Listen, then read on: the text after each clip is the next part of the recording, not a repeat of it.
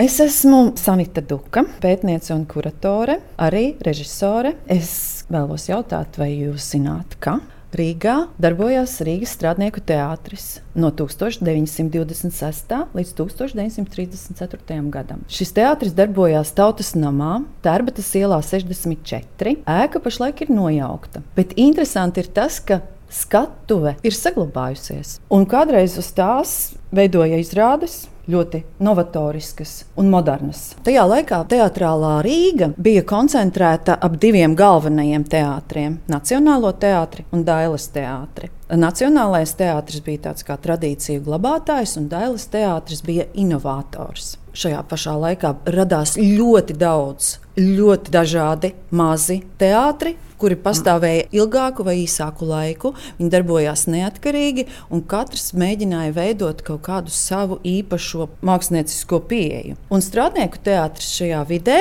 ienāca ar ļoti konsekventu un rūpīgi pārdomātu stratēģiju. Strādnieku teātra dibināšanu virzīja Sociāldemokrātiskā partija, arodu organizācijas, Tautas augstskola. Un jāteic, ka gan Tautas augstskolā, gan arī arodu organizācijās darbojās drāmas studijas, kur bija jau apmācīti aktieri. Šajā laikā Rīgā vispār aktieru profesiju varēja iegūt tikai un vienīgi drāmas kursos. Līdz ar to strādnieku teātra aktieri bija ļoti jauni, bet ne mazāk apmācīti kā citu teātru aktieri, kuriem, protams, bija lielāka pieredze.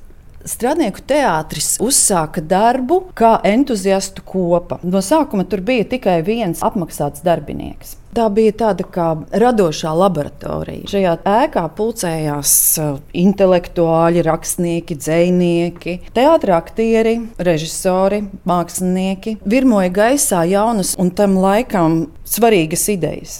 Spriests tika par to, kādai ir jābūt nākotnē, kā ir jāveido dzīve, kādi ir mākslas uzdevumi.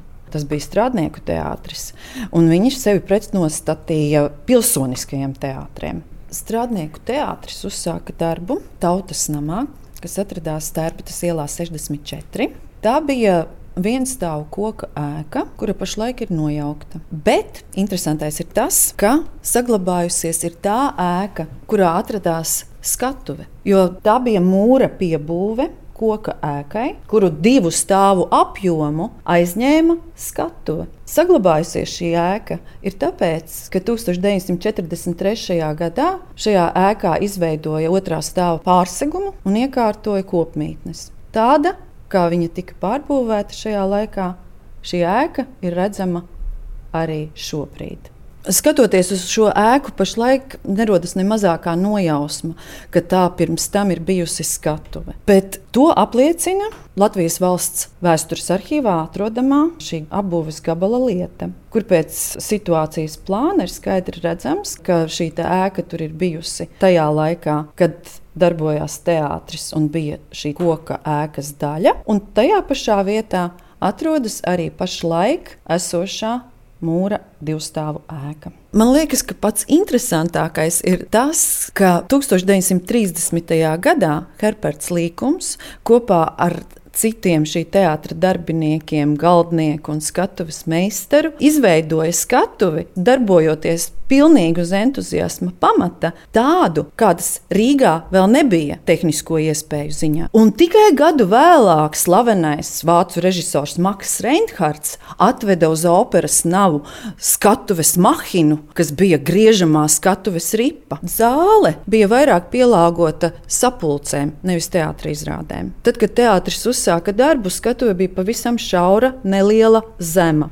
Dekorators Herberts Līkums bija iekārtojis grozāmu skatuves ripu, kura pirmajā līmenī bija kā metru plata lenta, kas gāja apkārt visai skatuvei, un iekšpusē bija iespējams izvietot vēl papildus citā virzienā grozāmu vienu vai pat divas ripas. Proscēniju pārveidoja un pielāgoja katras izrādes vajadzībām dekorators Herberts Līkums varēja izveidot dekorācijas, kas bija divos un vairāk līmeņos, kur skatuves podestūra salauza skatuves grīdu un veidoja iespēju paralēli spēlēt dažādas ainas un kombinēt tās.